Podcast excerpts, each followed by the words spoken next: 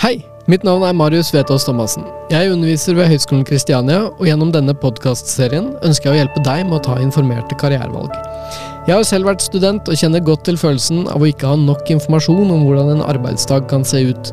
Mange stillinger fantes ikke for bare 10-20 år siden, og her i Norge bruker vi mange stilige engelske stillingstitler som ikke alltid er så lette å forstå. Manglende kjennskap til arbeidslivet kan bety at man tar dårlige eller kortsiktige valg, og at bedrifter ikke tiltrekker seg riktige profiler. Så derfor snakker jeg med ulike personer om deres konkrete stillinger og arbeidshverdag. I dag har jeg besøk av Kim Mu, Search Specialist i Group M Nexus. Kim har en bachelor i kreativ markedskommunikasjon fra Kristiania, og den ble hun ferdig med i 2021. Group M de består globalt av ca. 9000 ansatte, og i Norge utgjør de en av de største mediegrupperingene. De leverer tjenester innenfor annonsering og kreative markedskonsepter på tvers av en rekke kanaler. Nå er det jo mye snakk om chat-GPT om dagen, og, men egentlig så har vi jo hatt med oss Google i, i mange år allerede, som gir oss de svarene vi trenger når vi lurer på noe. Så jeg tenkte jeg skulle begynne der, Kim. Hva, hvilken betydning har Google hatt for deg personlig, og kanskje spesielt under studietiden? Det, det, var et vanskelig spørsmål å starte med, Marius. Men eh, jeg kan jo starte med å si at jeg syns jo at eh, Google har vært eh, Holdt jeg på å si, det er jo noe jeg har brukt veldig mye. Spesielt i studietiden. Jeg tullet jo med at vi gikk på Google-skolen en liten periode, fordi vi ble oppfordret om å bruke Google flittig til å søke på alt vi lurte på. Eh, så det er jo definitivt noe jeg bruker hele tiden, selv nå etter studiene. Eh, om det er om å finne eh, retninger til ulike plasser, eller det er å finne informasjon om jeg skal researche ulike produkter jeg ønsker å kjøpe, osv. Så, videre. så jeg bruker jo egentlig Google til alt mulig rart. Ja. Mm. Så uh, uh, stoler du på Google? Uh, det er jo viktig å være kildekritisk. Det, det, må jeg jo si. Så jeg vil jo ikke si at jeg stoler på liksom, søkemotoren spesifikt, men jeg stoler jo på at den kommer med gode resultater. Og så må jeg på en måte gjøre en egen vurdering på hvilke kilder og hvilke nettsider jeg ønsker å stole på. Da. Så det er jo selvfølgelig viktig. Veldig viktig differensiering. Mm. veldig viktig poeng egentlig, dette med at man trenger ikke nødvendigvis å stole på på algoritmen og Google selv, men, men, det de produserer av resultater Man må jo ta det med en klype salt. Uh, ja. Mm. Uh, så bruker du Google aktivt i jobben din i dag? Ja, jeg, det, det, gjør jeg absolutt. Jeg vet ikke helt hvor jeg skal starte med å svare på det. Men uh, i og med at det er jo stort sett det jeg jobber med. Ja. jeg jobber jo med uh, betalt søk i søkemotorer. Så det er jo klart noe jeg bruker veldig veldig aktivt. Og hvis det er noe jeg trenger svar på i forhold til jobben min, i forhold til de arbeidsoppgavene jeg gjør, så er jo på en måte det jeg bruker. Um, men uh, utenom det så, så, bruker jeg jo uh, f.eks. annonseplattformen Google Ads for å håndtere da um, annonsekontoene til de kundene jeg sitter på. Så det er jo selvfølgelig noe jeg bruker hver dag på jobb. Ja, ikke sant. Mm.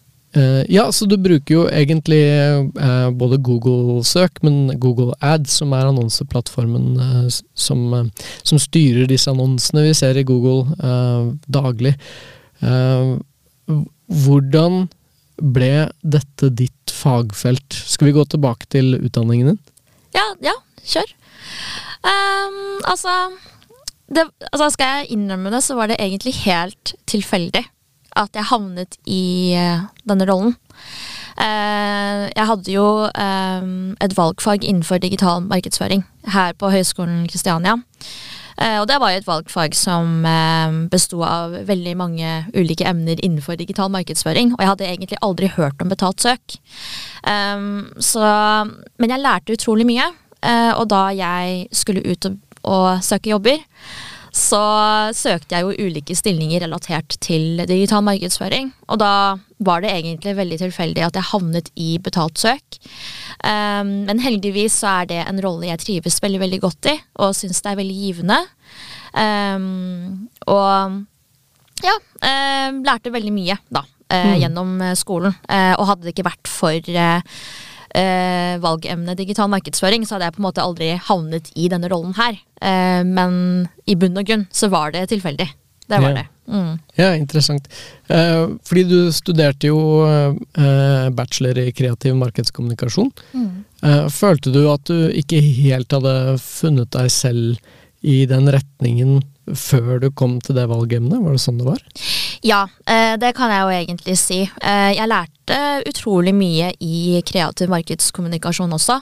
Men den største forskjellen er jo at eh, kreativ markedskommunikasjon eh, er jo litt mer klassisk eh, reklame og reklamebyrå. Litt sånn offline bannere og sånn reklame du ser eh, ute på T-banen eller toget f.eks. Um, og det er jo veldig spennende å jobbe med det, men det var på en måte en retning jeg følte ikke helt passet for meg. Um, så da fikk jeg jo veldig interesse for digital markedsføring, um, og syntes det var utrolig spennende. Uh, og da kunne jobbe med både teknologi og kommunikasjon. Um, så du kan jo si at min hele, altså hele karrieren min nå er jo basert på de seks månedene med uh, digital markedsføring. Da. Så det, um, og det angrer jeg ikke på, at jeg valgte det faget. Lærte utrolig mye. Det gjorde jeg. Mm. Ja, vi snakket jo før vi gikk på her om det at man, eh, man kan studere noe, og så plutselig kommer det eh, et fagfelt eller et tema. eh, tema. Mm. Eh, og så tenker man oi, det er jo det, er jo det her jeg skal drive med. Eh, selv så, så tok jeg min sivilingeniørgrad eh, i Trondheim, på NTNU. og syntes jo ikke det var så veldig gøy. Men så hadde jeg et emne som het det het faktisk Venture Cup, fordi man var en del av en konkurranse hvor man skulle skrive forretningsplan for en, en startup. Og det ble jo det eneste emnet eh, jeg fikk en A i, og det eneste emnet som jeg tenkte wow, det her var gøy. Og så var det helt forskjellig fra det jeg hadde studert. Nå er jo ikke det, eh, digital markedsføring helt forskjellig fra det du studerte, så det ble jo ikke så stor brytning. Eh, men eh, den følelsen når man finner noe som er eh, virkelig spennende, da, og ikke bare ok, nå studerer jeg for å studere, men jeg studerer for dette, dette liket. Det husker jeg som en veldig god følelse. Eh, kjenner du deg igjen i, i det? Ja, absolutt. Eh, altså jeg kjenner meg 100% i det du sier. At um, å virkelig finne noe man liker, det var veldig givende. Altså, det var litt sånn som jeg snakket om før vi um, starta nå. Eh, jeg var på en måte ikke den beste til å dukke opp i alle forelesninger, f.eks. For eksempel. eh, og det følte jeg jo at jeg ble etter at jeg eh, oppdaget digital markedsføring og hva det var. Em, så, så å få en liten passion, da, rett og slett, em, det var utrolig givende. Og jeg følte at jeg endelig fikk noe ut av em, holdt jeg på å si bachelorgraden min, da. Eh, og at em, det var noe jeg virkelig ville jobbe med i fremtiden. Hmm. Mm. Nå, eh, vi sliter jo faktisk eh, med oppmøte i klasserommet. Ja. Så det er veldig interessant at vi kommer inn på det. Nå, nå tvinger jeg oss eh, inn på det. Eh, hva, eh, eh, hvor, hvor viktig er oppmøte? Fordi Som foreleser så tenker jeg jo ah, hvis, hvis du ikke møter opp, så kan du bare melde av studiet og glemme alt. Herregud, det er viktig å møte opp. Men, men hvordan er det som student? Eh, er, det så viktig? Klarer man seg uten å møte opp? Og hva eventuelt er det man går glipp av hvis man ikke møter opp?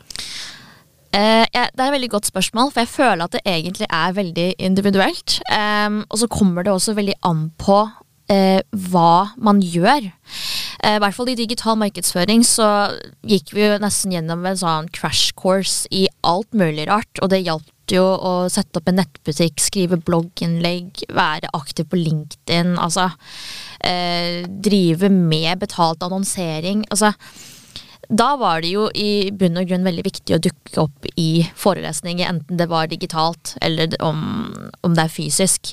Eh, fordi der var det jo veldig mye informasjon som eh, eh, blir gjengitt da, i klasserommet. Mens jeg føler liksom at det viktigste er jo egentlig å ha selvdisiplin. At man studerer selv hjemme, leser litt eh, opp til pensum. Um, og jeg følte i hvert fall i de andre fagene som ikke var like praktiske, så var det ikke like nødvendig å dukke opp i forelesninger, skal jeg være helt ærlig. Ikke at jeg oppfordrer til det, men jeg må nesten si det.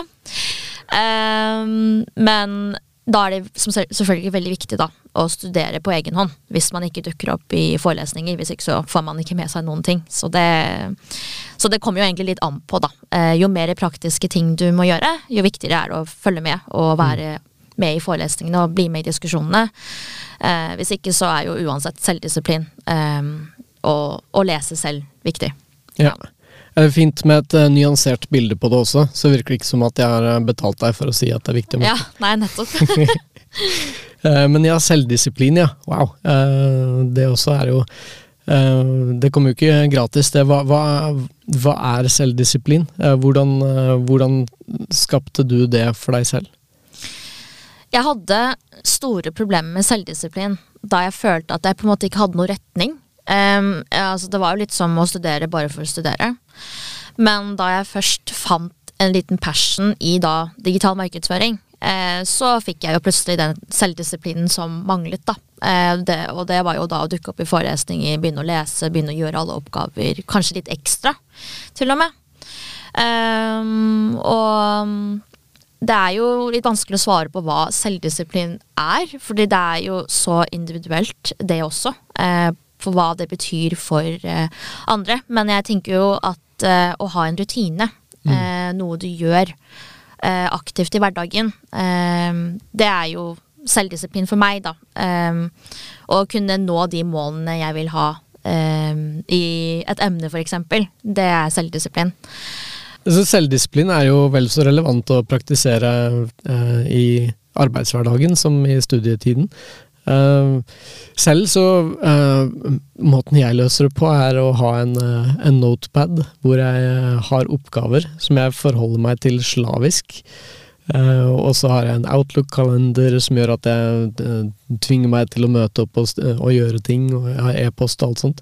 Alt det skaper selvdisiplin, men jeg merker at er på kreative oppgaver så er kanskje selvdisiplin vanskeligere, fordi jeg vet ikke helt hva som skal skje. Uh, og da er, det ikke så, motiverende eller lett å komme i gang, da. Um, hvordan uh, Jeg holdt å si inspirert av de tingene. Hvordan jobber du med selv... Eller hvordan sikrer du selvdisiplin i din arbeidshverdag i dag? Det er jo litt sånn som du sier, at det er viktig å ha en slags sånn to do-list. Eh, fordi jeg former jo hverdagen min stort sett eh, selv. Um, så det er jo veldig viktig da å kunne ha reminders på hva man skal gjøre, hva man skal følge opp, eh, hva man skal jobbe med hver dag. Eh, og da jobbe nok, fordi man former jo da som sagt hverdagen selv. Eh, møte opp til møter, være til stede. og ja, gjøre den jobben godt, da. Eh, og grundig, ikke mm. minst. Men du fullførte jo uh, din bachelor i kreativ markedskommunikasjon. Hva var det du uh, skrev bachelor om? Um, da skrev vi om gamification i matvareapper. Ja. ja. Og så husker jeg, skal jeg være helt ærlig, så husker jeg ikke noen ting om yeah. nøyaktig hva var spørsmålet, hva vi skrev om, eller noe som helst. Men jeg husker bare at gamification var et veldig spennende tema. Ja. Så, det, så ja.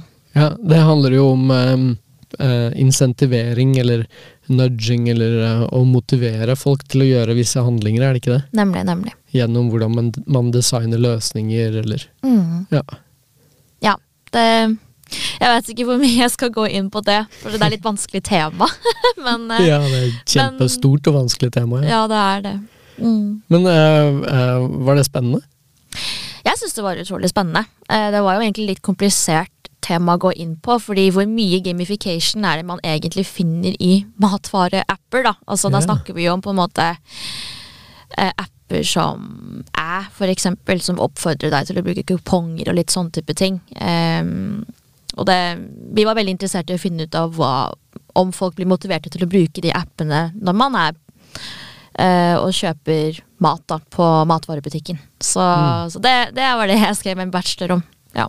Mm. Hadde dere noen, eh, noen funn?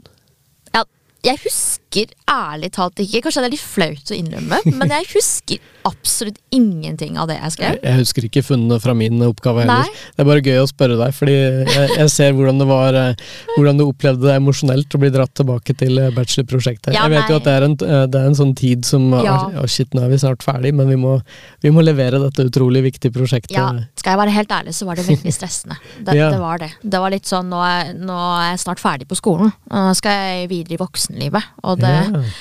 så, så det var en veldig stressende periode, så husker jeg jo ingenting. Så jeg har bare lagt det helt på hylla, egentlig. Yeah. Ja. Hvordan, eh, hvordan håndterte du eh, stressende perioder eh, som student? Jeg prøvde jo egentlig å ha et sosialt liv.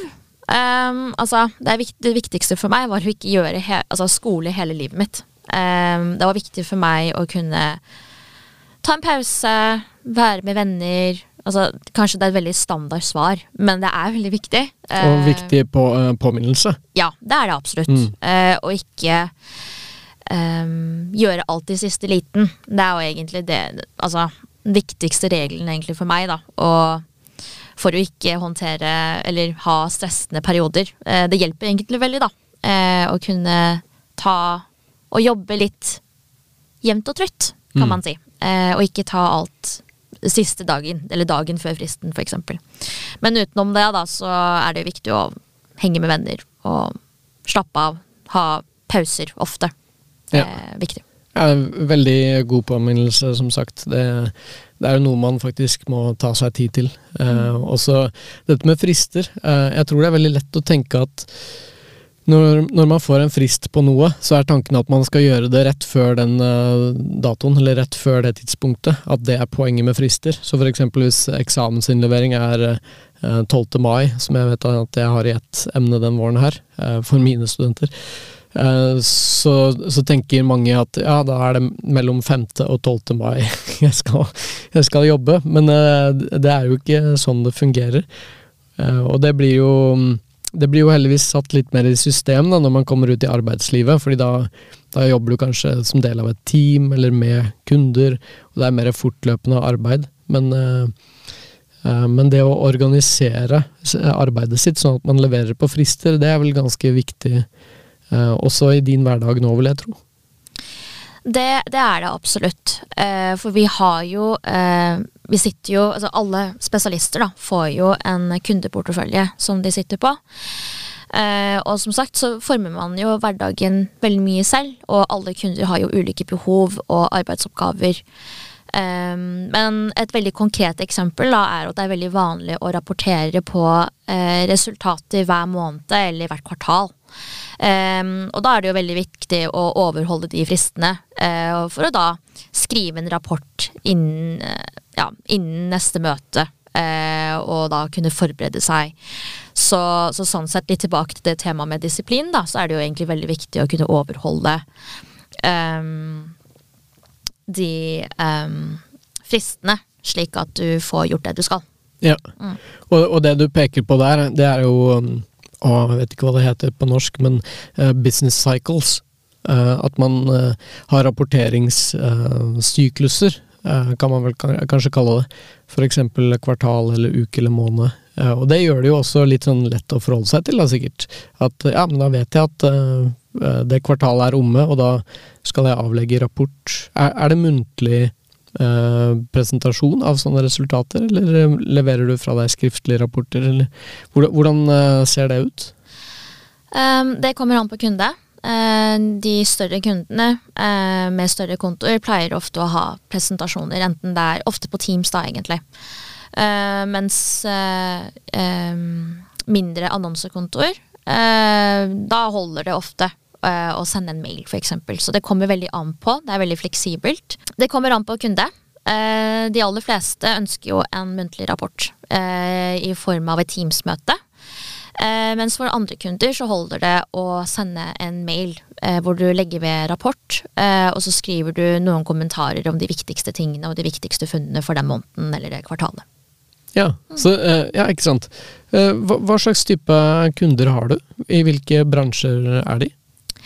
Jeg har en eh, veldig variert kundeportefølje. Jeg jobber annet med bank, telekom, altså mobiloperatører. Eh, så jobber jeg med apotek, eh, møbelforretninger. Um, så det er veldig variert uh, portefølje. Medisin, for eksempel. Så det, det, det, liker jeg veldig godt. At man kan jobbe med mange forskjellige kunder. Ja, mm. Det høres jo veldig spennende ut. Hvordan er det å hoppe mellom bransjer? Er, er det vanskelig å, å, hoppe imellom, eller går det greit fordi du jobber med samme fag? Um, I starten så kan det oppleves litt vanskelig, Eh, fordi eh, når man jobber i et byrå da, og jobber med veldig mange ulike kunder, så eh, kan det fint hende at du møter på en kunde eller en bransje du aldri har hørt om. Så da må man bruke litt tid i starten for, i, til å sette seg inn i hva slags type produkter eller tjenester kunden eh, selger. Eh, men over tid så vil du jo på en måte få en veldig personlig eh, forhold til kunden. Eh, og du blir veldig godt kjent med de tjenestene eller produktene de selger. Eh, og så blir det jo lettere. Og for meg nå så vil jeg jo si at eh, det går veldig, veldig bra. Nå har jeg jo jobbet her i et år. Men jeg kan jo huske at jeg var veldig engstelig i starten å kunne få nye kunder og tenke hva i all verden er det de selger for noe. Nå må jeg sitte og bruke litt tid på å bli kjent. Men det er jo da helt normalt og forventet, da. Og det er jo ikke sånn at alle vet på en måte alt om noe. Så, så liksom det Um, ja. Er det også mer spennende fordi man har den porteføljen? Uh, ja, uh, man får en veldig variert hverdag. Uh, så jeg vet at for noen så kan jo kontorjobb oppleves som veldig monotont. så når man da jobber med ulike bransjer, så får man jo jobbet med altså en veldig variert hverdag. Hvor man jobber med ulike ting, ulike behov og ulike problemstillinger. Eh, og ikke minst ulike produkter. Eh, og det er veldig spennende, og man lærer veldig mye eh, nytt, da. Mm. Og er det lov å spørre om du har en favorittbransje? Eller blir det vanskelig? Um, så jeg, jeg, jeg, kan si uh, selv, så uh, Jeg jobbet jo på byråsiden før, og jeg likte mm. veldig godt å jobbe med, med såkalte NGOs, mm. så non-governmental organizations. Mm. Uh, frivillige, og, eller ikke frivillige, men organisasjoner som jobber med bistand, f.eks., mm. var ekstra motiverende. Uh, eller um, uh, jo, møbel og interiør syns jeg var veldig spennende, fordi det er det var mer sånn person... Eller ja, det er jo mer personlig, på en måte. Det, ja. det handler om hjemmet mitt, så det var lettere å koble på emosjonelt eh, i arbeidet med det. Mm. men, uh, men, man skal jo ikke ha favoritter, så det er kanskje litt sånn vanskelig spørsmål. Men hva, hva tenker du? Um, jeg føler at jeg personlig ikke har nok erfaring enda til å faktisk kunne si hva min favorittbransje er. Jeg, jeg, føler at selv om jeg har jobbet i et år nå, at jeg fremdeles er litt ny, da. Og prøver å sette meg inn i hva er det jeg egentlig liker, og jobbe med. Uh, og nå er jeg jo egentlig bare åpen for å lære alt. Så jeg syns alt er utrolig spennende, og tar imot alt. Og, så jeg har egentlig ikke noen favoritter, egentlig. Jeg syns alt er så utrolig gøy å jobbe med, mm. faktisk. Mm. Ja. Uh, men la oss uh, gå litt mer konkret inn på arbeidsområdet ditt igjen. Så du jobber jo med søk. Uh, og så deler vi jo søk da i to områder. Uh, vi har uh, søkemotoroptimalisering, eller SEO. Vi har søkemotorannonsering, eller SEM. hva Hvordan henger de to områdene sammen? Kan vi si noe om det? SEM da, og SEO henger veldig, veldig tett sammen. Um, og det er jo rett og slett fordi at um, vi som jobber med betalte annonser, eller betalt søk, er jo stort sett avhengig av at uh, nettsider er godt optimalisert med relevant innhold. Um, så, så, sånn sett så blir det jo vanskelig å si at man bare jobber med betalt søk. For det er jo ikke, ikke som om vi bare skriver annonser, og så er vi ferdig med det. Men det handler jo om å ha en synergi mellom innhold øh, organisk innhold, øh, og da annonsetekstene. For å på en måte være mest mulig relevant. Hvis jeg skal svare på det så enkelt mm. som mulig. Um, altså hvis, hvis, du har laget en helt fantastisk eh, Google Ads-annonse, så, så, hjelper jo ikke det så mye hvis, hvis, nettsiden ikke fungerer. Ja, nettopp. Kort og greit. Nettopp. Mm. Så hvis du selger sko, eh, og nettsiden din ikke refererer til det i det hele tatt, så gjør jo det egentlig jobben min litt vanskelig. Eh, for da kan ikke jeg sitte og skrive en fantastisk annonse om eh, sko, eh, når da nettsiden eh, ikke er optimalisert opp mot det. Så da jobber jo vi veldig mye med å ikke sant da, La oss si i rapportmøter så snakker vi jo ikke egentlig bare om liksom, ja, hvordan det har gått i Google Ads-kontoen eller i annonseringen, men vi kan jo også gi litt veiledning på hvordan da en nettside f.eks. kan bli optimalisert bedre for at vi også kan få bedre resultater igjen over tid. Så, så jeg føler at uh, dette med i hvert fall nettsideinnhold, eller i hvert fall nettsideoptimalisering, er jo utrolig viktig. Eh, og spesielt da at nettsiden er optimalisert opp for mobil, fordi de aller fleste er jo i farta, googler ting.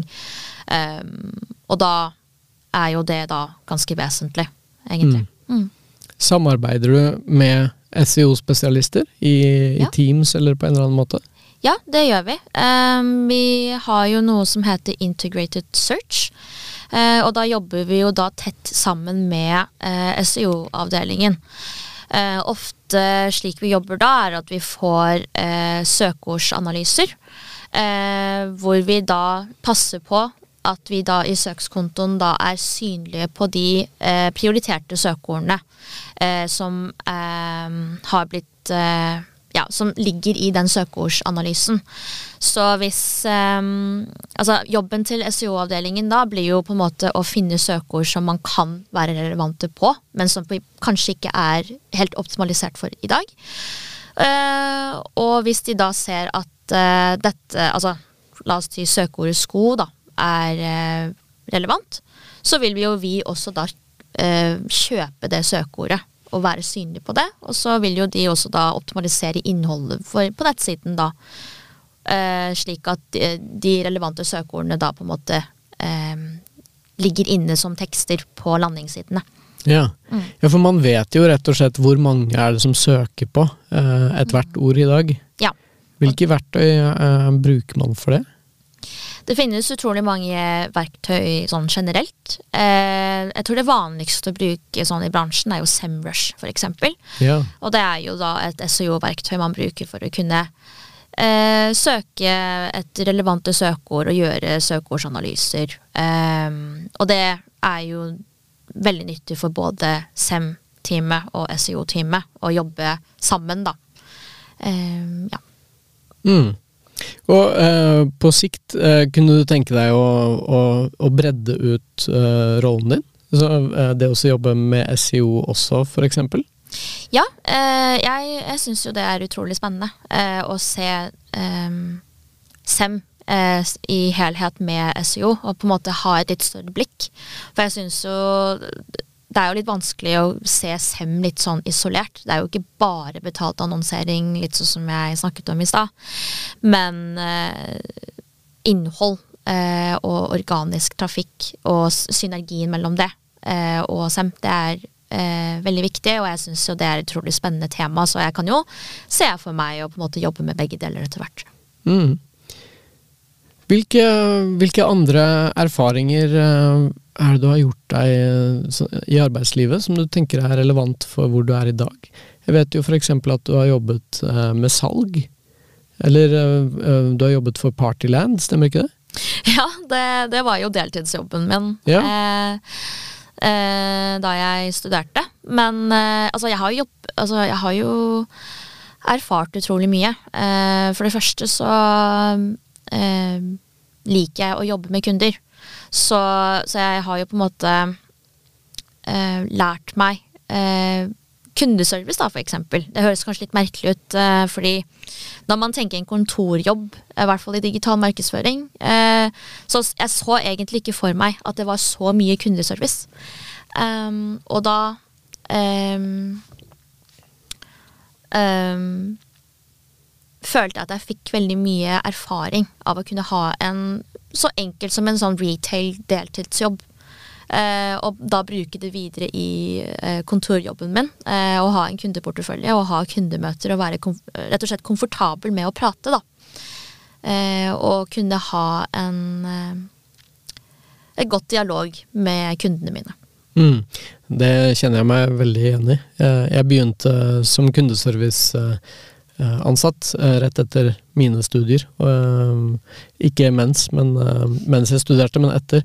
Og det var utrolig nyttig å, å bli god på telefoner. Jeg hadde litt sånn telefonangst før, så det å bli god på å bare håndtere telefonsamtaler ble, ble, var veldig fint. da. Eh, så man skal virkelig sette pris på sånne erfaringer, selv om det ikke nødvendigvis blir det man jobber med fulltid på sikt, så, så er det nyttige erfaringer. Så eh, kundemøter, eh, hvis jeg hører deg rett, da. Så kundemøter er noe du liksom har hatt med deg fra, fra noen år tilbake? Eh, ja, eh, og da er jeg jo egentlig veldig takknemlig for at jeg har blitt mer komfortabel over tid, da, gjennom de erfaringene jeg har eh, tatt med meg fra eh, retail, rett og slett. Eh, fordi det er jo ikke så lett å bli um, Hva skal jeg si eh, Så komfortabel med å plutselig bli kastet ut i å eh, ha kundemøter. Um, og da følte jeg meg veldig rustet av å rett og slett bare ha pratet veldig mye med kunder. Ved å jobbe med salg, da. Så, og det er jo litt sånn som du sier, jeg hadde jo altså, det med å plukke opp telefonen og det med å prate med kunder, det kan være litt skummelt. Uh, og det husker jeg at det var i starten for meg også. Uh, så den retail-erfaringen var veldig verdifull, da. Mm. Og uh, nå, det er jo ikke så lenge siden du var ferdig med å studere, men hva slags for jeg ser jo for meg at det er noen som lytter til denne episoden nå, og så tenker de Uh, og det jeg studerer er jo egentlig relevant for en uh, rolle som den du har, søkspesialist, eller search specialist, uh, og de har lyst til å kanskje få en sånn jobb. hvilke råd har du til dem? Hva, hva, bør de fordype seg i, hvordan bør de orientere seg mot det i egne studier? ja, eller selvdisiplin, er det noe der? ja. Jeg tenker Det første er jo egentlig begynne å sette seg inn i digital markedsføring. Um, jeg tenker at um, man bør ikke bare sette seg inn i betalt søk, men heller se liksom uh, hvordan digital markedsføring er. Det er jo så et veldig bredt fag.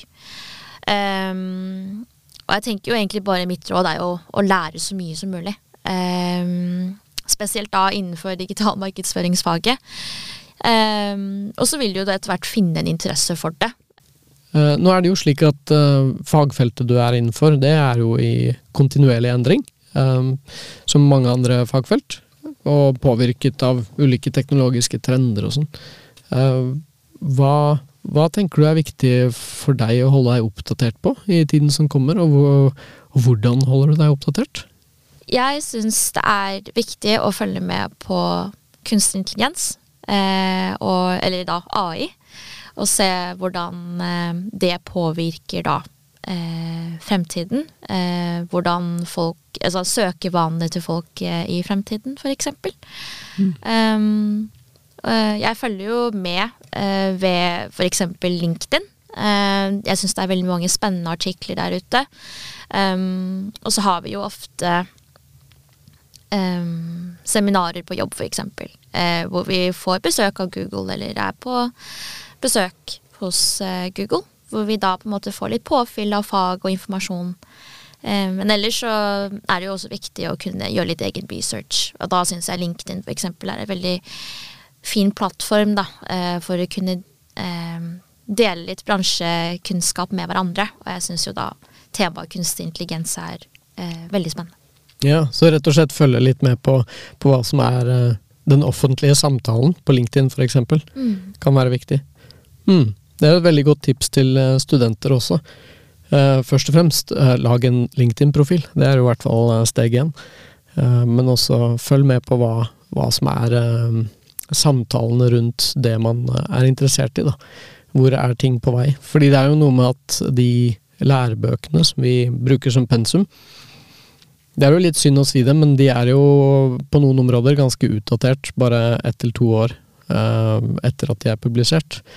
Uh, som gjør det veldig utfordrende for oss, så vi er ganske avhengige, vi som er forelesere og emneansvarlig, så er vi ganske avhengige av at uh, studenter også bruker annen, ja, andre former for ressurser, da. LinkedIn er veldig bra. Ja, jeg er helt enig med det du sier. Um, kan, det er jo litt derfor jeg sa tidligere i dag at jeg, jeg tullet litt om at jeg gikk på Google-skolen, eh, mm. og det er jo ikke uten grunn. Eh, teknologi eh, utvikler seg kjempefort. Eh, så det er veldig viktig å kunne følge med på hva som skjer der ute, og skolebøker, så viktige som de er, de blir jo litt utdaterte når de først handler om teknologi og sånne type ting som utvikler seg stadig vekk. Så, så ja. Mm. Uh, og en annen ting som jeg har lyst til å gå litt tilbake til, som jeg vet ikke om du husker, men når du var eh, studentassistent for meg ja. for uh, to år siden, uh, så sto du overfor en utfordring, og da ringte du meg. og så snakket vi i jeg tror 40 minutter ja, okay. om den utfordringen. Nemlig. Og det har jeg litt lyst til å gjøre et poeng ut av, fordi det er en, en um, hva skal jeg si, innstilling som veldig få har. Så når man står overfor utfordringer, eh, se rundt deg. Hvem er det som egentlig kan hjelpe deg, og oppsøk de. Så om du ikke kommer med det rådet selv, så, så, så kommer jeg med det basert på hvordan jeg ser hvordan du har eh, orientert deg da, eh, og jobbet.